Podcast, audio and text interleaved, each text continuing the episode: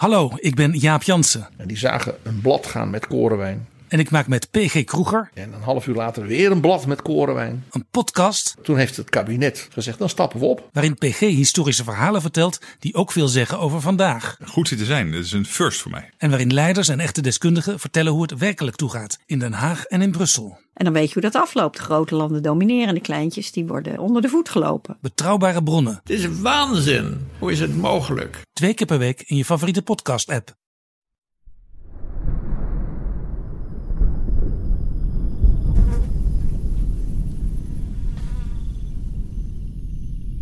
We zitten nog midden in het verhaal over zoogdieren in de dino-tijd. En zoals een goede serie betaamt, kom je dan eerst even met een recap. Previously on Prison Break. Previously on Desperate Housewives. Previously. Previously on Mad Men. Ja, previously on DinoCast. In de vorige aflevering hoorden we hoe onze hele verre voorouders zich ontwikkelden van onbetekenende onderkruipers tot metershoge giganten. En heersers over de wereld in het Perm-tijdperk. Totdat zo ongeveer alle vulkanen ter wereld tegelijk begonnen met uitbarsten. Dat had een vernietigend effect. Het zorgde ervoor dat het leven op aarde van alle dieren en planten aan een zijden draadje hing. Maar zoals professor Malcolm in Jurassic Park zo mooi zegt. There's one thing the history of evolution has taught us. It's that life will not be contained. Life breaks free, it expands to new territories, and it crashes through barriers painfully, maybe even dangerously, but life finds a way. En het leven overleefde inderdaad. Maar het was een andere groep dieren die zich na deze ramp sneller ontwikkelde dan onze zoogdiervoorouders. Ja, de dinosauriërs. Hun tijdperk was aangebroken. En dat is waar we zijn gebleven. We gaan naar het Jura, midden in de dino-tijd. En we skippen de dino's, maar kijken op de grond, tussen hun poten. Want hoe overleef je tussen de draken? Dit is DinoCast.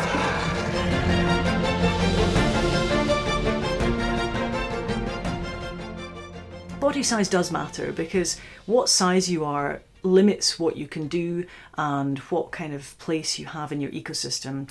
So mammals were generally smaller. So the biggest ones were not much bigger than you know a sort of badger, a, you know a, a sort of small dog size. Um, so they don't get bigger than that. Aan het woord is Elsa Penciroli, Schots paleontoloog en expert op het gebied van zoogdieren in de dino-tijd. Je kent haar nog van de aflevering hiervoor. Ze deed jaren onderzoek en ze schreef het boek Beasts Before Us. Okay, you wrote a book. Uh, why? That's a funny question. Uh, I No- guess no to- normal person ever writes a book. well, they say everyone has a book in them, Yeah. um, but most of us don't get it out. Uh, so I've, I've all well, two answers I guess to that. The first one is I've always been a writer. So when I was a little girl, I used to write stories and things all the time. Um, and read them to people whether they liked it or not. And one of the things I wanted to tell people was all these misconceptions about where mammals come from and the fact that they lived with dinosaurs and that they're really interesting. I just really wanted to convince people of that and tell them about it because I think it's amazing. I didn't know about any of it before I started studying, and I was really shocked. And I thought, if I'm shocked, I'm sure everyone else is. Elsa klom dus in de pen om de misconceptions, de misvattingen recht te zetten rondom zoogdieren in de dino-tijd. Want zo denkt nog bijna iedereen, het waren minuscule, angstige prooidieren, de losers van de evolutie. Toch? Elsa, kom er maar in. Hmm. I think you're right that until the last 20 years, 30 years, people did, if they knew dinosaurs and mammals exi- coexisted at all, because a lot of people don't, still don't know that. But if they did know, yeah, they think that because they're little and they're kind of ratty, mousy creatures, that, you know, they just weren't successful. But I think you've got to redefine what success means. So, first of all, you know, looking at the world today, most mammals, in fact, a lot of most creatures that are really successful today are small. So, among the mammals, most mammals are bats and rodents, which are almost entirely, all of them are little. I mean, they're some of them extremely tiny, and they do brilliantly. Uh, you know, they reproduce really quickly, they take over new environments really easily. That's success. That's really, really successful. They've been around for a long time as well. So, just because they were small, it doesn't mean that they weren't doing really well.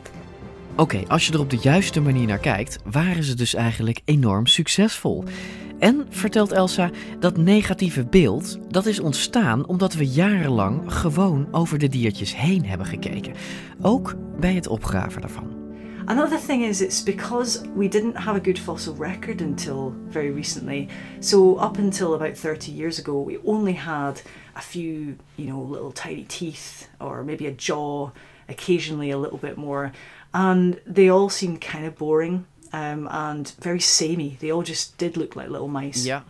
And it's not only now that we have these really incredible, complete skeletons of mammals from the time of dinosaurs from places like China that we've started to see, you know, and they're preserved with their fur and with skin intact. And we see that actually not they weren't all small some of them were quite large like the size of a badger some of them had skin flaps like flying squirrels so they could glide between trees they were tree climbers there were diggers oh diggers as well i mean there's basically a jurassic mole it's got great big shovel paws for digging so they were basically really specialized in doing lots of things that we we see mammals do today but they were doing them you know 170 million years ago in the time of dinosaurs. And that's kind of amazing that so early on they did all these things. But it was invisible to us uh, until recently. Yeah, I, I completely agree. In um, I live in quite a big house with two persons, my wife and myself. But if I look at my front garden, which is not a particularly big front garden because I live in a city, but my front garden is full of mice which are very active, running around like like mad, and, and always working and whatever mice tend to do uh, in the course of their lives. It's it's really amazing. What I try to argue is that even present day uh, uh, mammalian life, there are much more mice and rats in the world than, than human beings. Oh yeah, by a long and if way. something goes completely wrong with our planet, the rats and the mice probably will live through it, and we don't. Yep, I agree with you. I, I think as well that we tend to think that animals that get eaten, like rats and mice and insects, are somehow not doing as well, like they're because they're lower in the food chain. But um, I mean, that's really kind of wrong thinking because everything gets eaten by something else. Um, and instead of thinking about the fact, for example, probably in the time of dinosaurs, dinosaurs probably did eat mammals. But mammals, you know, ate other mammals and they ate insects and, you know, they ate plants. And did they, they, you know, did, did they eat dinosaurs then? Well, it turns out we do have evidence that they were also eating dinosaurs. Oh. So there's yeah, so the tables have finally turned. yeah. Ja, dat bewijs dat is er inderdaad. Een paar jaar geleden kwam de wereldpers bijeen in een aftans Chinees zaaltje waar drie dolblije wetenschappers aan een tafeltje zaten met daarop een bijzondere vondst, een zoogdier. So this is the first ever discovery of this kind of material. And it shows, so I think all of us will be very happy today now mammals uh, finally get a chance to chase for dinosaurs.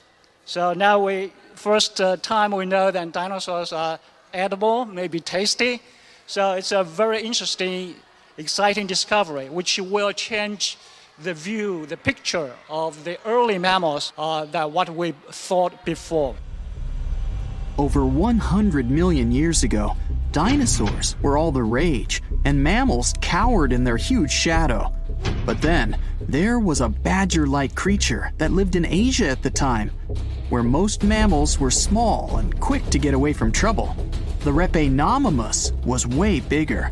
it was the size of a large dog. Researchers think this creature wasn't too fast because it had short legs, but it was surely a carnivore, and surprisingly, there were dinosaur remains found in its fossilized belly.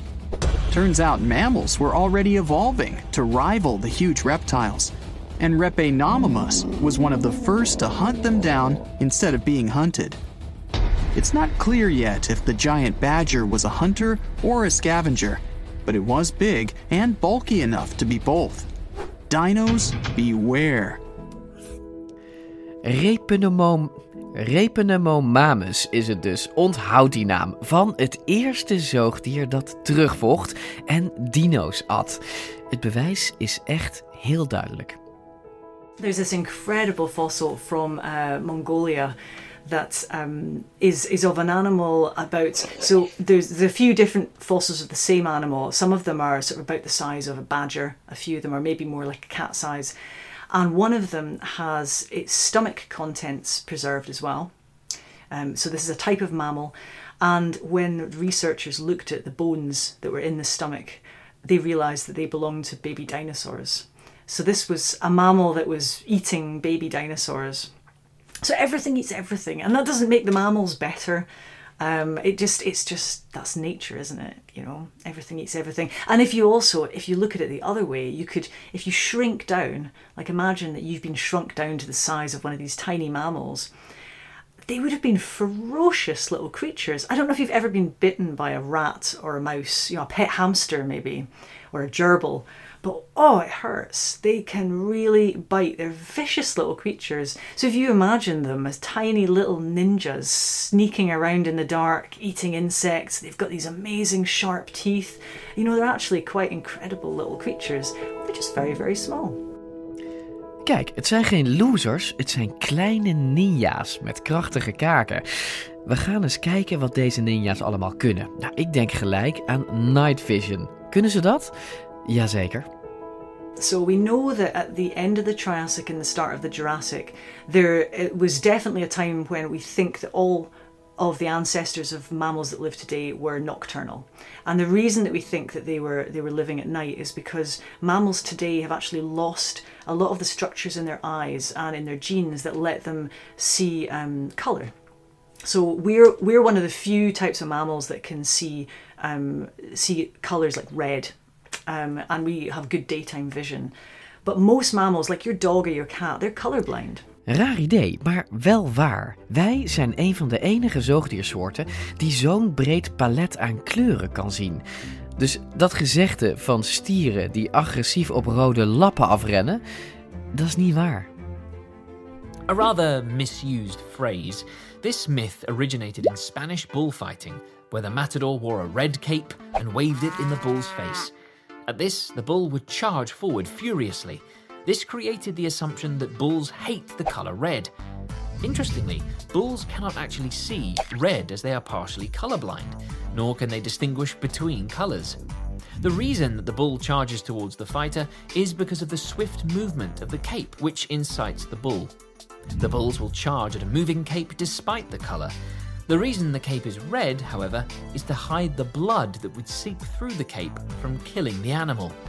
Quite gruesome. And the reason they're colorblind is because they've lost all of those those color um, structures that they really would only need if they were living during the daytime. Um, and today, most mammals still come out more often at dusk and dawn and at night. They're, really, we mammals as a whole are much better in low light than we are in daylight. Um, so we know because those structures are gone that the ancestors must have lost them, and the only reason they would have lost them is if they didn't need them. So they must have been living at night. Ja, Elsa trekt haar conclusies op grond van moderne onderzoeken.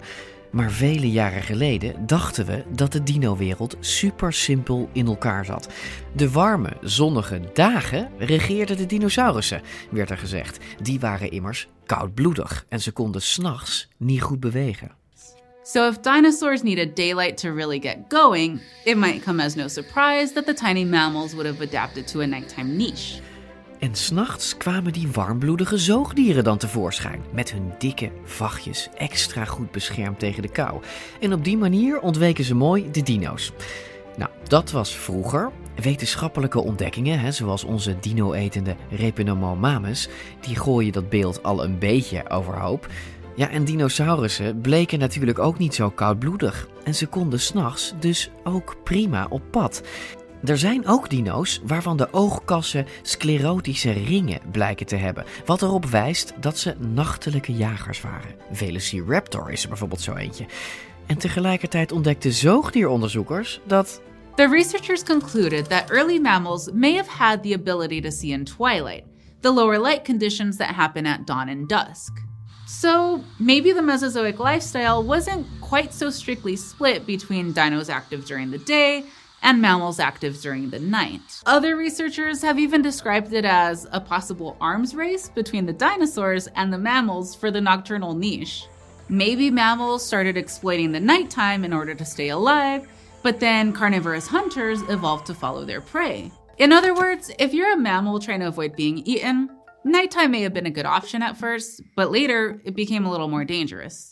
As we go into like the Jurassic and the Cretaceous, who knows? We probably would have had a mixture like we do today. Some of them still living at night, other ones coming out during the day. It would have just depended, and it's difficult to say, um, you know, which ones were which.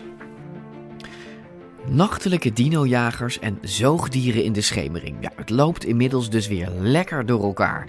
Maar het heeft er alles van dat het feit dat veel zoogdieren van nu dat die kleurenblind zijn en dat ze goed in het donker kunnen zien, dat dat komt omdat onze soort in de dinotijd toch grotendeels de nacht in werd gedrukt. Die erfenis die dragen we nu dus nog met ons mee.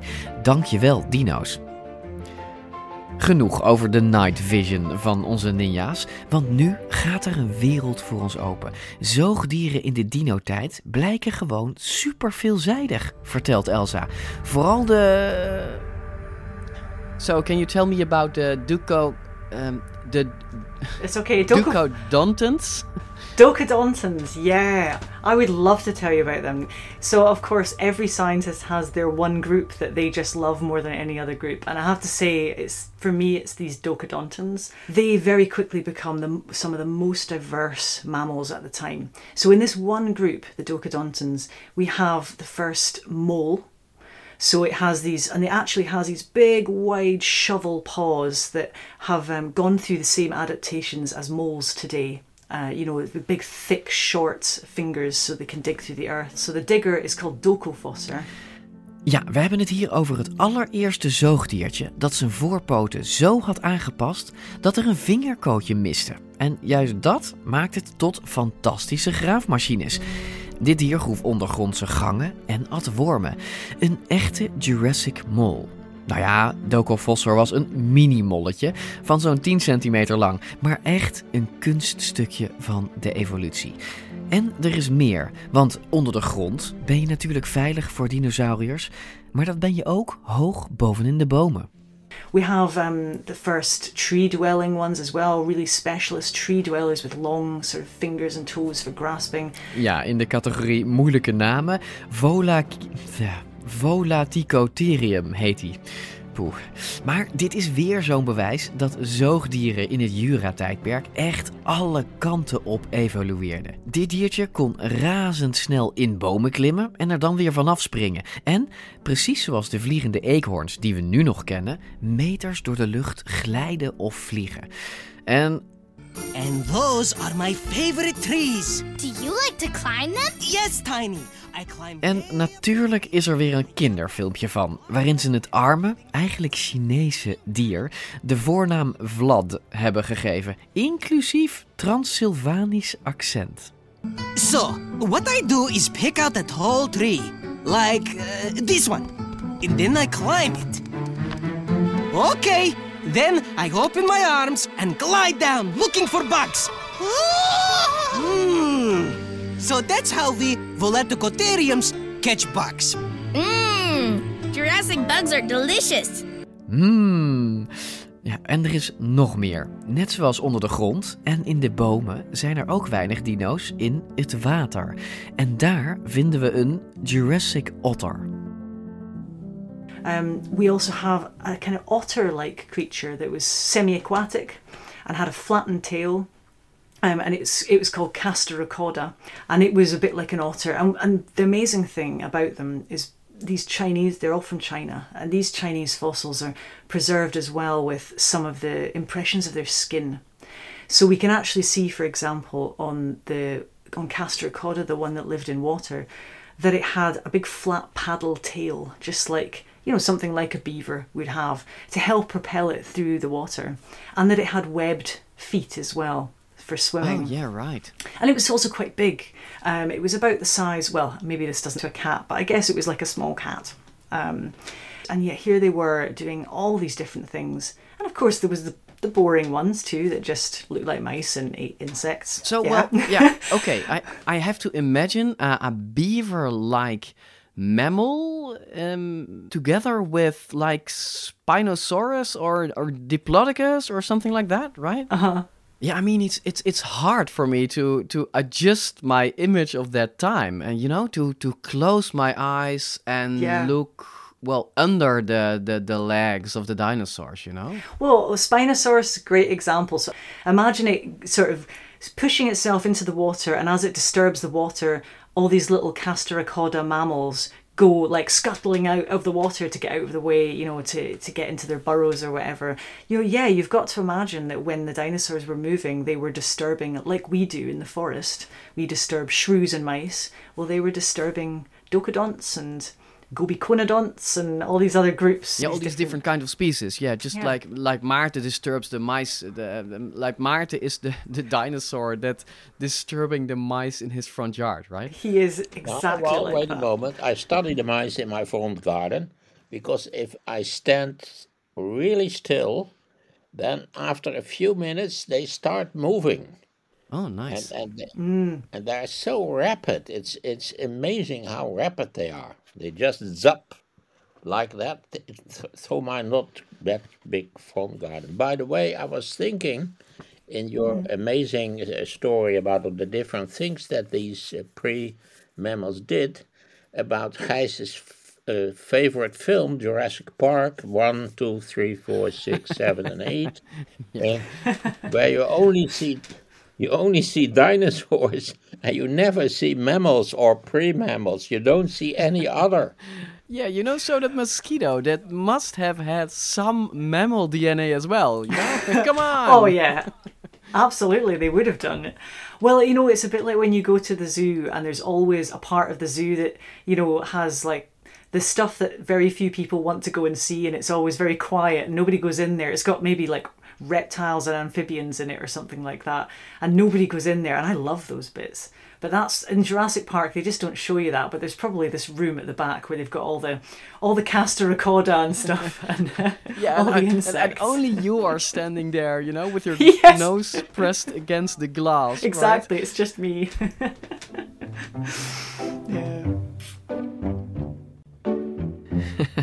We laten Elsa even, tijdelijk, achter met haar neusje tegen het glas. En we reizen door naar het laatste deel van de dino-tijd, het krijt. Voor Maarten en mij is dat ook een echte reis, want het brengt ons naar Maastricht.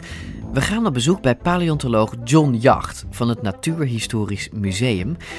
En we staan daar gebogen over een vitrine met daarin een poppetje van een soort van kleine muis.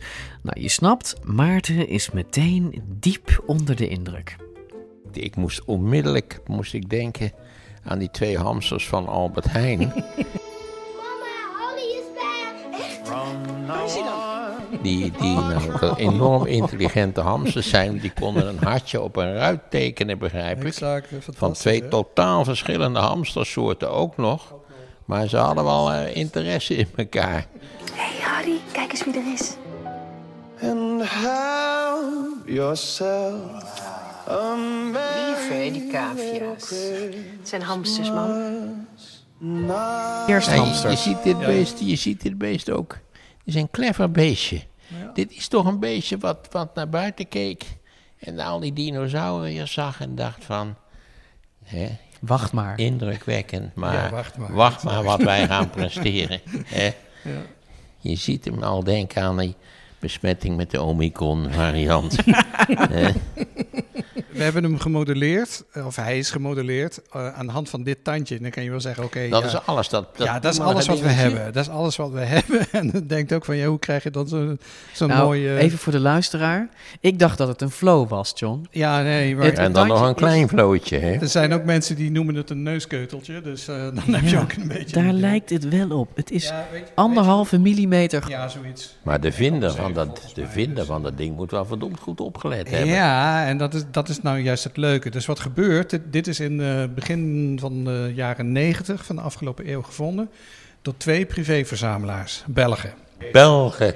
Daar gaan we weer. Toch weer. Ja, twee Belgen, maar ze groeven dus op Nederlands grondgebied. Namelijk de zogenaamde Ensi-groeven bij Maastricht.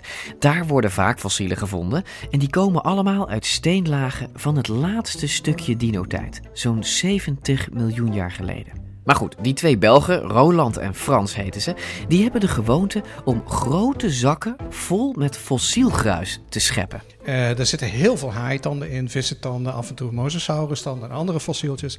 En daar zijn die verzamelaars gek op. Dus die nemen gewoon al dat materiaal mee, gaan ze thuis wassen en zeven en dan gaan ze het uitpikken. En dan halen ze alles uit wat interessant is voor de collectie. En toen kregen we een, een telefoontje van Frans Met. Hij zegt van, allee, ik heb een zoogdiertandje gevonden. Okay. Ik denk, ja, het zal wel. Ja. Uit Maastricht hier. Ja, uit het gruis wat Roland had meegebracht. Ja, uh, zeg, luister, daar kan ik niet zoveel mee. Hoe groot is het? Ja, kleiner dan 2 mm. Nou, maar kun je er een foto van maken? Ja, nee. Nee, je krijgt er niet eens een goede focus op. In de jaren 90 nee. zie je het voor je met een mobiele nee. telefoon, wordt het al helemaal nee. niks. Dus dat werd niks. Nee, daar was het tandje natuurlijk veel te klein voor. Maar een bevriende wetenschapper in Brussel wilde het ding wel even scannen. En die scan die werd gemaild naar het museum. Maar ja, daar was eigenlijk ook niemand die het begreep. En het was zeker in een digitale la beland als er niet toevallig iets gebeurd was. Want ze hadden daar op dat moment hoog bezoek van ene Jim Martin, een Amerikaanse Mosasaurus-specialist uit Dakota. En uh, toen zei hij van oké, nu heb ik al genoeg gezien. Ik denk dat ik terug ga naar mijn hotel. Ik zei maar we, hebben één, we zijn één ding vergeten. Even gedachten zeggen, directeur. Dus wij naar boven toe, trap op. Dus die computer die staat links in de hoek. Uh, de directeur zit voor ons. En we komen binnen, die, we stappen die kamer in. En het eerste wat Jim doet is naar links kijken op dat scherm... waar precies op dat moment die foto uit Brussel staat. Hij zegt van, PDO miss, where is it from? PD... Pediomis, dat is het genus, pediomis. Oké. Okay. En uh, Anne kijkt mij aan, ik kijk Anne aan. Ik zeg, wat? Hij kan aan die foto al zien wat het is. Ik zeg, this is for Maastricht. No, it's impossible, it's an American. En zo ging dat. En zo is dat gaan doen. Dat was sterke kost dus. Een volkomen weird. toevallige ontwikkeling ja, eigenlijk. Echt waanzin. Want jullie en, wisten niet wat nee, het was. Ja, nou, we hadden wel in de smiezen dat een zoogdiertandje was, maar wij zijn geen specialisten. Dus, maar die, het interessante is dat hij zei eigenlijk... It's impossible, it's from... It's, an American. It's an American. Dit, kan hier niet gevonden zijn. En, dus die link was meteen Chuck. Ja, precies. Chuck. Ineens wisten ze bij welke zoogdierfamilie dit tandje hoorde. En dat leidde tot het muizige poppetje wat Maarten en ik nu staan te bestuderen. Het is zeer gedetailleerd nagemaakt. Kraaloogjes, vachtje, oortjes, allemaal op basis van één tandje. Is dat niet verdacht? Is dit wel echt, zoals die eruit zag? Want even, ja. we kijken naar een soort, ja, toch een soort van muis. Hij is iets groter, iets steviger. Ja, hij heeft een, dikke staart.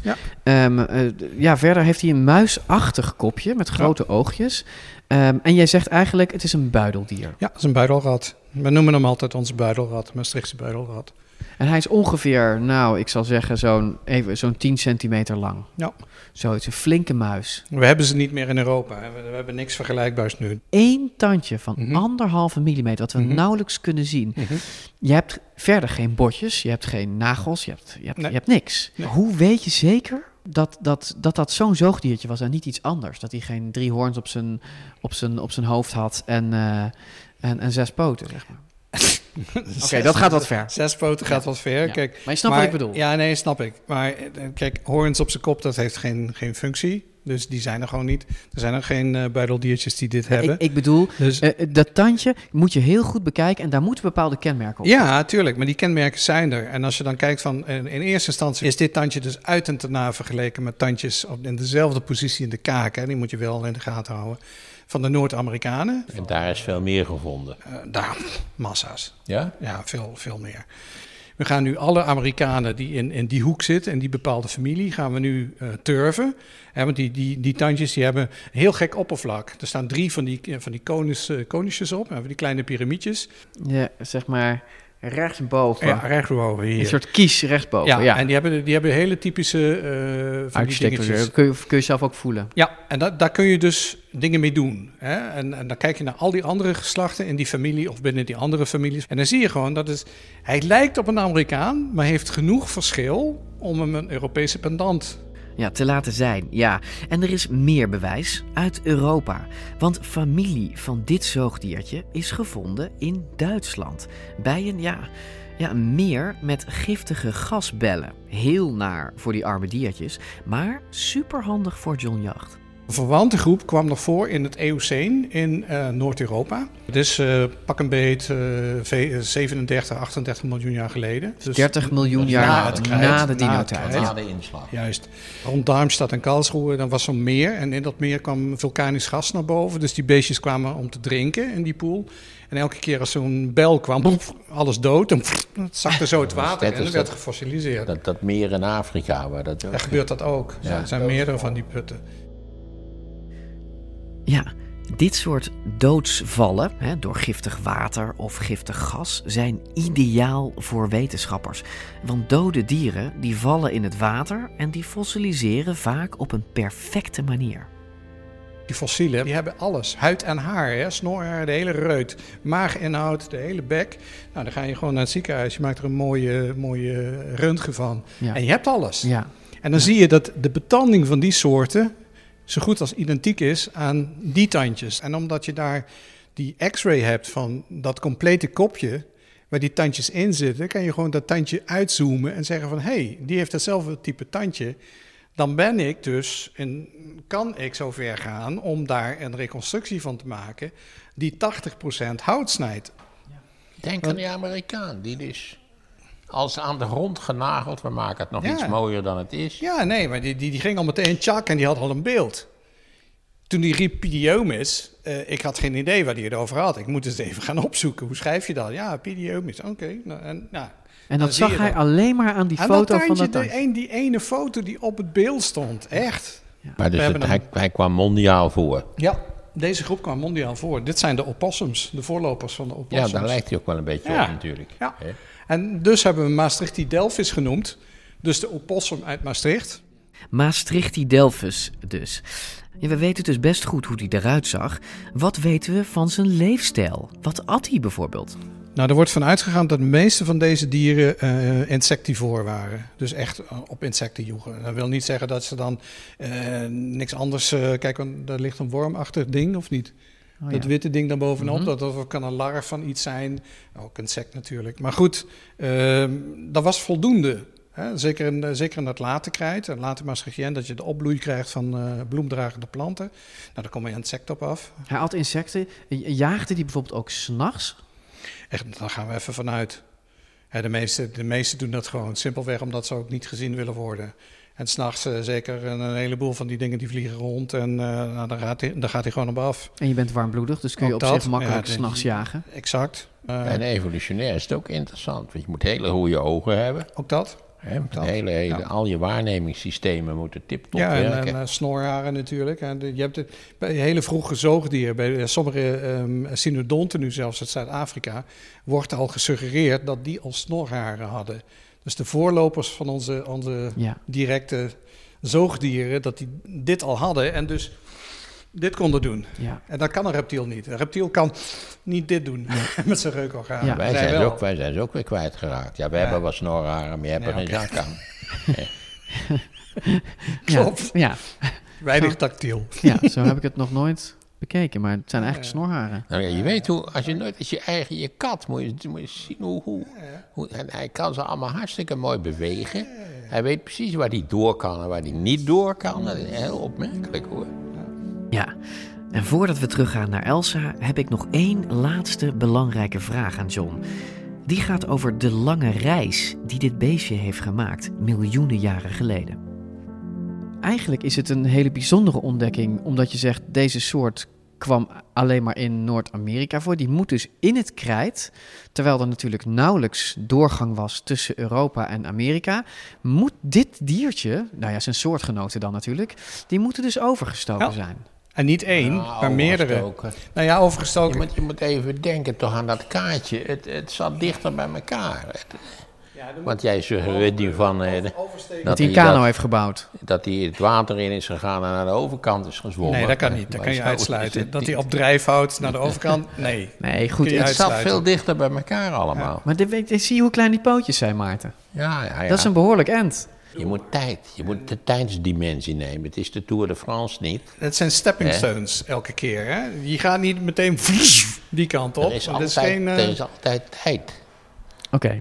Maar, maar dan nog, moet er dus een, een soort van landbrug, tijdelijke landbrug zijn geweest tussen Amerika en Europa, die dus niet maar, maar een maandje heeft opengestaan. Nee, nee, nee, dat kan langer geduurd hebben. Het moet dus echt duizenden, honderdduizenden jaren Miljoenen, tientallen miljoenen. hebben opengestaan tussen die twee continenten Denk, denk in het aan. Zuid-Amerika en Afrika. Die, die, die sluiten keurig op elkaar aan. Ja, absoluut. En, en, en rotsformaties in Afrika, die lopen gewoon door in Zuid-Amerika. In principe zou je nu op zoek moeten gaan naar die migratieroute.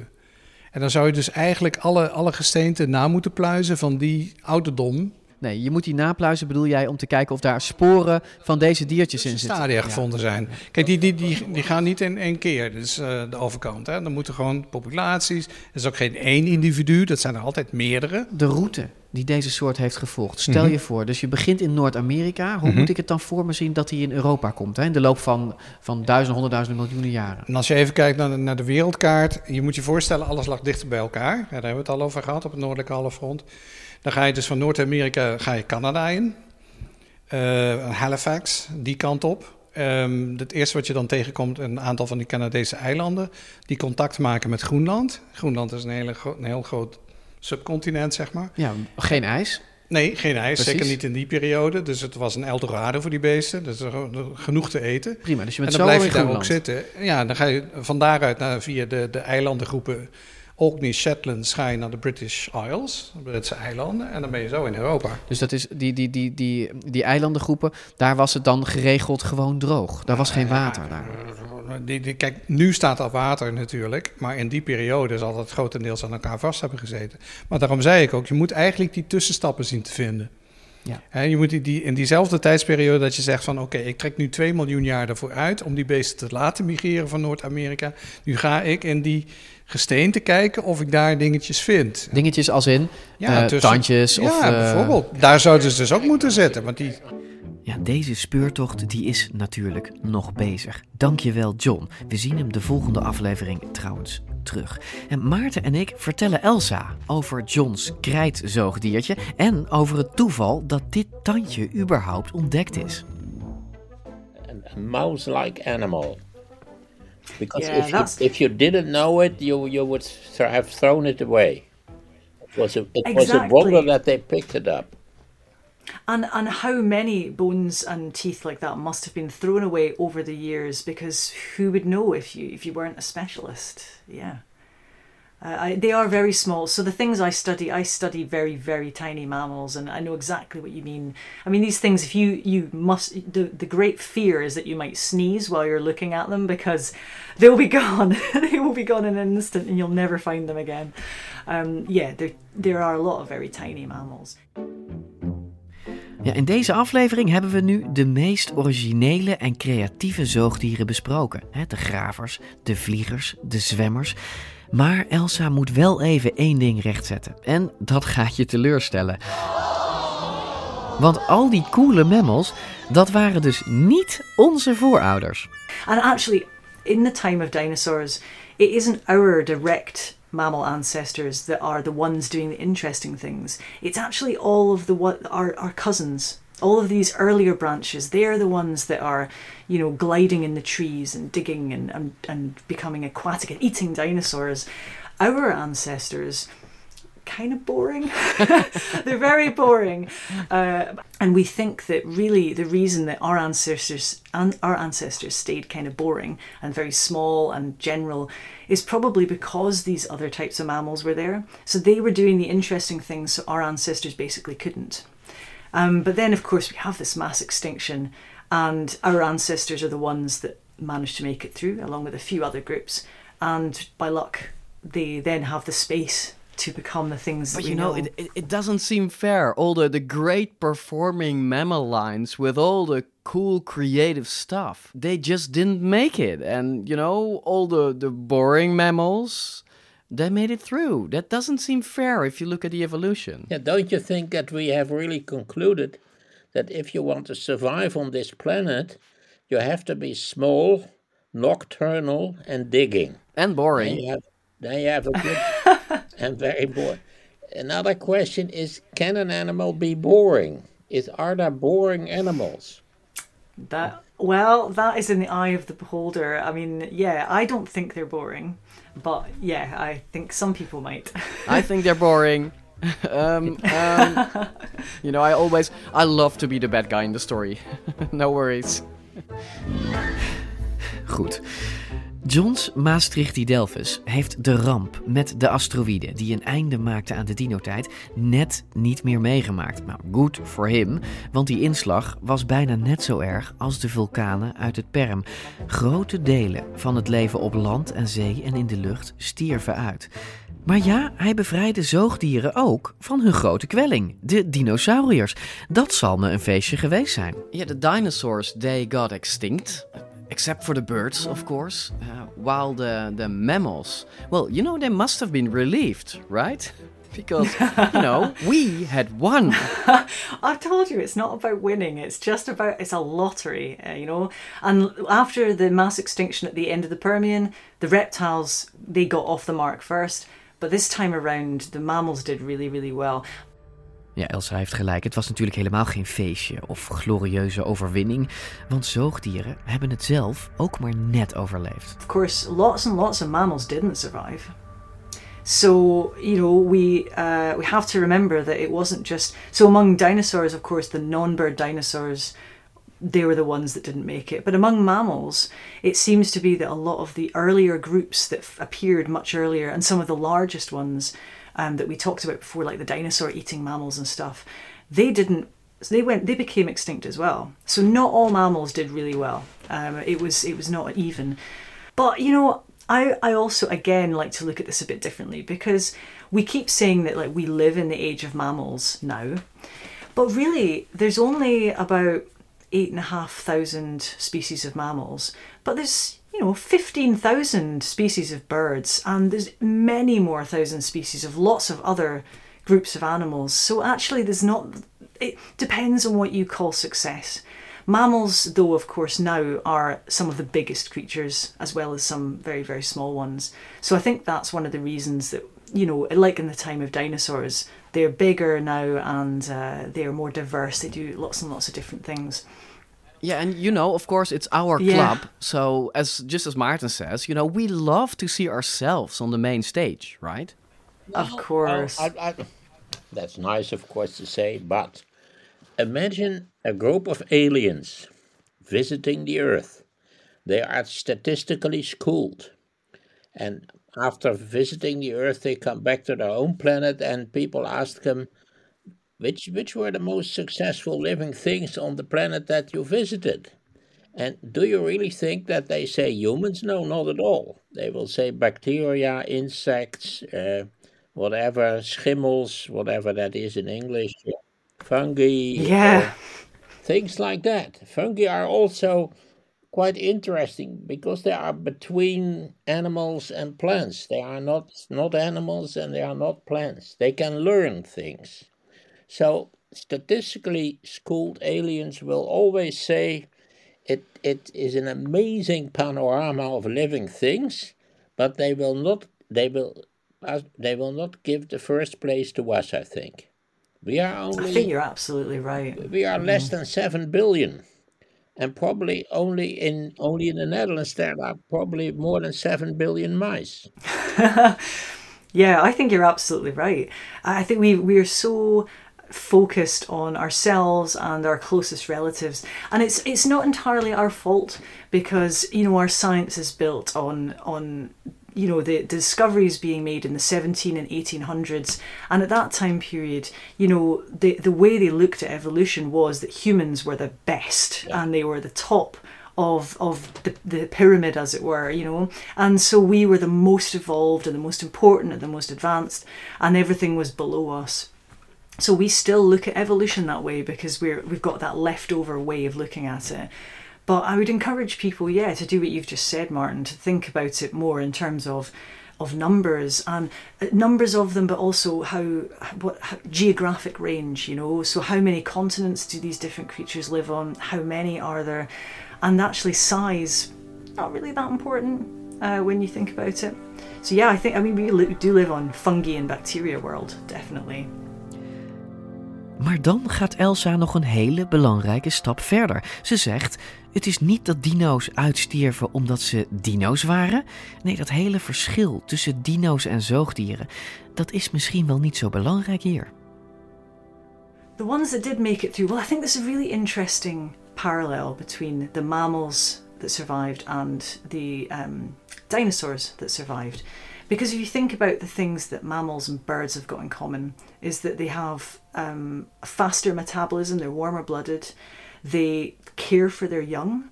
You know, we feed our young milk, um, birds also care for their young. Um, there's evidence to suggest that the, the dinosaur, the birds that made it through, were the ones that were shore living and ground dwelling, and uh, mammals, the ones that probably made it through, were also perhaps burrowing um, you know, and less likely to be tree dwellers. So there's a whole bunch of things in common there that I think mean that it's not really that mammals are so special, it's more about what was the right sort of lifestyle at that particular moment. Na de ramp namen zoogdieren de wereld over. Ze verspreidden zich weer razendsnel En nu de reden om klein te blijven letterlijk verdwenen was, namelijk de dino's, werden ze ook razendsnel groot, ontdekten wetenschappers. Anacostia fossils from Colorado Springs that scientists described in 2019 gave another piece of exciting evidence. Within the first 700,000 years after the extinction event, mammalian body mass was 100 times bigger than the mammals living immediately after the mass extinction or even during the time of the dinosaurs reaching an estimated 47 kilograms. Dit lag niet alleen aan de dino's hoor.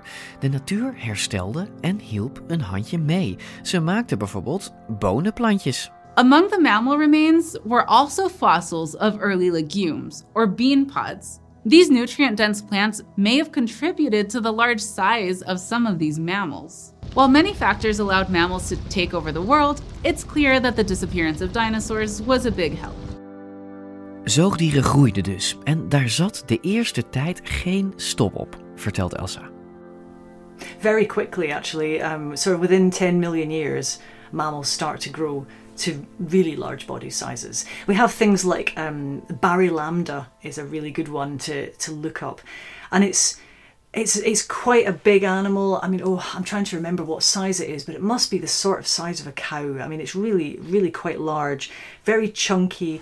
Looks maybe like a bear, quite shaggy probably, and it's I mean it's a really big chunky animal, but it also it is very well, I think I described these first mammals as like a grab bag. In other words, they're a bit of everything. They don't look like any particular animal. They're just very generic. They're very general. And of course, again, that goes back to what we said that, the generalists did really well in any disaster. So that's what they were building from. Um, but yeah, very, very quickly, uh, after, like, as I say, within sort of 10 million years, we've got big ones, we begin to then start to get your tree climbers again, and all this diversity, it just all comes back. Um, but the mammals, in this instance, they really go for it. Um, and they begin to form all of the groups of mammals that we know today. Ja, we hebben deze aflevering maar liefst twee massa-uitstervingen op aarde behandeld. Maar ook op dit moment sterven er massaal soorten uit. Hoe kijkt Elsa naar onze massa-extinctie? Mass extinctions in general, if you look at what, whatever the cause of them, the ultimate thing that's bad is is the change of climate. It's usually always comes back to that rapid change in climate, um, whether it's caused by humans or rocks from space or volcanoes. Um, yeah, it's it's rapid change. And, that and is what does that what does that tell us about the current mass extinction then? a few things that we can that we can say i mean i guess so i'm an optimist and one of the things i think about mass extinctions is that it sounds morbid because you're talking about how many things died but what i think is the good, hopeful message is that n- something always survives and life always continues it might not be how you expected it but it will continue i think one of the things that makes our human made climate change was so difficult for animals is that in the past there was nothing in the way to stop animals from moving around. So when we look at how a lot of animals cope with climate change, they end up moving. Now they don't think about it consciously, but obviously animals are moving around all the time, and the ones that find themselves moving to colder climates um, do better when it gets hot. But of course, we've built roads and cities and we've destroyed habitats, and so the animals can't move. So I think that is actually habitat loss is almost one of the very, very worst things that we've done because animals can't get away from the problems that they're facing. You know, they just they can't escape. So um, it's going to be very difficult for them, and certainly uh, they're also going to. We, we I imagine among mammals, we're probably going to see a lot of them becoming more nocturnal because it's cooler at night, um, easier to survive the heat. So we, we're already starting to see that in populations. There's been studies showing that among populations where some of them are, you know, are day more day active, some of them are more night active, they're steadily becoming all more night active because it's just easier uh, for them. Gee. And they're equipped for it Yeah. because their ancestors were. Yeah, this is a point that's not particularly popular at all. But shouldn't we conclude that, that the, the strange explosion of human life on this planet, especially, let's say, in the last 500 years, nothing much more, uh, is also part of the evolution? I mean, the evolution produced an amazingly intelligent and, and constructional uh, animal, which is us, and, and see what we did. Nobody knows what the end result will be, but still, we are part of the evolution. We are an animal. We, we are a strange animal, maybe. Not a boring animal, although most of the people are extremely boring, but all the same, we are, we are an animal. I would say though that my counter to that, I agree with you. I think we are not separate from nature. But my counter to it is that we are the only animal that can choose what we do. So I think that's where I would I would disagree slightly. Is just that because it it sounds almost like it doesn't matter if they go extinct because we're just doing what we do as animals. But I do think as animals we can also choose to not have not have that loss. And I think the world will be a poorer place if we don't have the diversity, uh, you know, preserved. You know, it might be exciting to talk about the time when Lystrosaurus was 70% of all animals on the planet. But wow, if you went on a safari, would it not have been boring to just see nothing but Lystrosaurus everywhere? You know, much more fun when there's lots of different creatures. It must have died out of boredom. like, Yeah. like only Lystrosaurus. No, no, please. Not another. Kill me now. Of course, I also want to preserve uh, uh, uh, maybe the world as it is, but at the same time, we, we should see ourselves as part of a bigger complex. And, and well, evidently, the elephant is too big to survive. Well, maybe in a, in, in a zoo, we, they will survive, but, but, but not, not, not big herds in the wild. That's not going to happen, I suppose. So I come back. I come back to my point. If you want to survive on this planet, you have to be small, you have to be nocturnal, and you have to be a digger. You have to be a mouse, actually. Ja, muizen hebben dus de toekomst. Ook wel een mooi einde, toch, van deze aflevering. Maarten en ik praten nog wel even door over onze Nederlandse Maastrichti delphus, buidelmuis. Hele lullige kiesje Ja, bekeken. dat weet ik nog, ja. Ja, ja, dat is zo klein was het, hè, dat je er een vergrootglas voor nodig hebt. Ja, maar het is toch leuk dat het in Nederland het toch een beetje een Nederlands diertje is geweest. Wat denk jij nou? Ehm, eh, ah, Nederlands diertje. dat is zulke onzin. Een Nederlands diertje. ik vroeg me af of ik hiermee wegkwam. nee, nee, dus daar nam- kom je niet mee weg. Als Frederik Hendrik geen veldtocht langs de Maas had gehouden, was het gewoon een Belgisch diertje gebleven. Nou ja, oké. Je snapt wat ik bedoel. Jongens, jullie snappen wat ik Heilige bedoel. Roomse Rijkdiertje. Goed. Eh, eh, eh, dan nog even, wat denk jij Maarten? Zouden wij er geweest zijn? Of zouden de dino's er nog geweest zijn als die asteroïde nou niet was ingeslagen? Want dat was een ongelooflijk toeval. Ik heb geen flauw idee. Ik denk dat je dat, dat is iffy history op een niveau wat zo hoog ligt dat ik durf er niets van te zeggen. Het kan best zijn dat natuurlijk de, de zoogdieren die er waren zich toch op een, eh, een andere manier zouden hebben ontwikkeld. Ja. Er waren toch een aantal, kijk, de dino's waren heel succesvolle dieren die van alles konden en die zich aan allerlei biotopen hebben aangepast en zo. Maar eh, de zoogdieren konden weer andere dingen, sommige beter dan de dino's. Ja. En misschien ook dat een deel van de zoogdieren mm, waren wel wat intelligenter. Dus de, de verhouding tussen het, het hersengewicht en het lichaamsgewicht eh, was voordeliger. Eh, want dat is niet alleen, wij zijn weliswaar de top op dit punt. En we hebben natuurlijk de primaten, maar ook dolfijnen. Er zijn allerlei dieren die, die vogel. Dat moeten we misschien nog eens iets aparts aan doen aan die vogelhersenen. Want dat is natuurlijk, als je denkt dat zo'n beest met een... eh, met hersenen ter grootte van een walnoot zijn sommige kraaien in staat om de meest complexe taken uit te voeren waar u tegen zegt. Dat is trouwens een dino. Dat is natuurlijk wel een dino, ja, dat Ja, is waar. Maar wel is- een, een, een hoogontwikkelde dino. Maar je hebt gelijk, hè? Er is eigenlijk is er, eh, is er niks van te zeggen. Want eh, hoe die soorten zich ten opzichte van elkaar zouden ontwikkelen als ze er allebei zouden zijn geweest, we don't know. Maar het is een verleidelijk idee om te denken dat als die komeet er niet was geweest, dat, dat de dino's er nog waren geweest. En hoe was het dan gegaan? Ja, dat is. Dat, Ja, dat maar fascinerend. 66 miljoen jaar, Ja. dat, is van, dat is even wat zeg. hè. Wij, wij, wij denken al op een termijn van, van eh, laten we zeggen, een eeuw is voor ons al min of meer onoverzichtelijk geworden. Maar dan hadden we wel in ieder geval Jurassic Park niet gehad, want dan hadden we die dino's natuurlijk niet hoeven te klonen. Goed. Ehm, Nou, waarschijnlijk kunnen we een even mooie film maken over zoogdieren. Dat doen we trouwens toch ook. Dat is waar. Dat is waar. Ja. Alle natuurdocumentaires gaan natuurlijk over de mooiste zoogdieren. Ik, voor mij ging er wel echt een wereld open hoor. Ik heb, eh, wat mij vooral verraste van, deze, eh, van dit gesprek met Elsa, is hoe veelzijdig deze zoogdieren waren. Ja, en natuurlijk wist ik dat het niet alleen maar muisjes waren, maar dat het, dat het zo Het veelzijdig waren was. heel kansrijke beesten. Ja, en, dat, en, en eh, ik hoop dat, dat, dat iedereen die deze aflevering hoort, dat, ze, dat jullie dit meenemen. En dat we nu weten dat de, dino, dat, de, dat de zoogdieren zelfs ook voor de dino's al natuurlijk gemeenschappelijke voorouders hadden. Hè, wij, Zelfs vrij forse dieren waren. nou ja, wij komen eigenlijk niet, niet uit die piepkleine muis die die, die, die asteroïde overleefde. Wij komen eigenlijk ook voort uit, uit zo'n Dimetrodon-achtig raar beest met zo'n zeil op zijn rug. Dat is toch raar? Dat is een heel raar idee. Ja, het zou wel handig zijn natuurlijk. Dan zou voor, als wij weer een zeil op de rug kregen.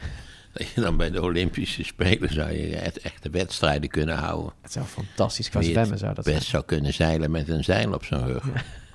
Oh, misschien is dat wel te klonen of zo. Goed, terug naar... ehm, Dat eh, klonen is, dat, daar hebben we toch enorm veel opwinding over gehad. Maar dat is in allerlei opzichten Totaal helemaal, helemaal niet zo'n geweldig succes geworden. Nee. Na Dolly is het heel stil geworden. Nee, en Dolly is vroeg gestorven. Ja, en Herman, was die niet ook een... eh, die Die stier? stier. Ja. Ik weet niet, Herman was gewoon. eh, Was die was toch bevriend met een kip die op zijn rug zat? Hoe was toch ook weer? Hij was altijd eenzaam. en Toen hebben ze hem een kip gegeven. Is dat echt waar? Ja, ja. Dat, kip schijnt enorm gezellig te zijn. Ja, en, en zo eindigen we met, de, de, de, de, met de, de, de vriendschap tussen een zoogdier en een dino. Ehm, Elsa, tenslotte. Ik, ik, ik heb het haar niet beloofd, maar ik vind dat het wel nog een keer genoemd moet worden. Ze heeft echt een prachtig boek geschreven. Jongens, ga dat lezen. Het heet Beasts Before Us. Je kunt dat kopen in de boekenafdeling van onze website op dinocast.nl. Daarmee eh, verdienen wij niet heel veel. Echt niet. Ehm, je betaalt dezelfde wist prijs als dat wij ergens een boekenafdeling hadden. Ja, de- de- gewoon een sectie waarin staat welke boeken zijn leuk over dino's. En daar kun je dan klikken en dan ga je naar Bol of naar, naar, uh, naar andere boekenwinkels waar je hem dan kan kopen. En wij krijgen daar echt 1% of zo, weet ik veel, commissie over.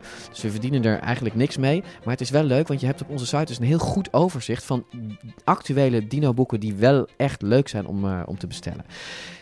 Ja, een laatste tip. De Nederlandse boekengids.nl heeft net een artikel gepubliceerd waarin ik, samen met uh, co-auteur Sikko de Knecht, het boek van Elsa vergelijk met, ja, met nog een boek over zoogdiergeschiedenis. Dat van paleontoloog Steve uh. En dat kwam ook het afgelopen jaar uit. Nou, die review die staat nu online, ook gelinkt op onze eigen podcastpagina dinocast.nl. Wij gaan het volgende week hebben, Maarten, over, over Nederland. Over zeedieren. Oh ja, vanwege die dieren in Maastricht. Ja, vanwege die dieren in Maastricht. Ja, precies. En, en uh, luisteraars, uh, we, gaan het nu nog niet verklappen, maar volgende week een antwoord op de prangende vraag of Maarten graag in zee zwemt en of hij wel eens heeft gesnorkeld. Dus alleen daarvoor ga je al op de volgende Nee, ik heb nee. nooit gesnorkeld. Dit was DinoCast. tot, uh, tot volgende week. Fijn. Ik heb wel eens in zee gezwommen.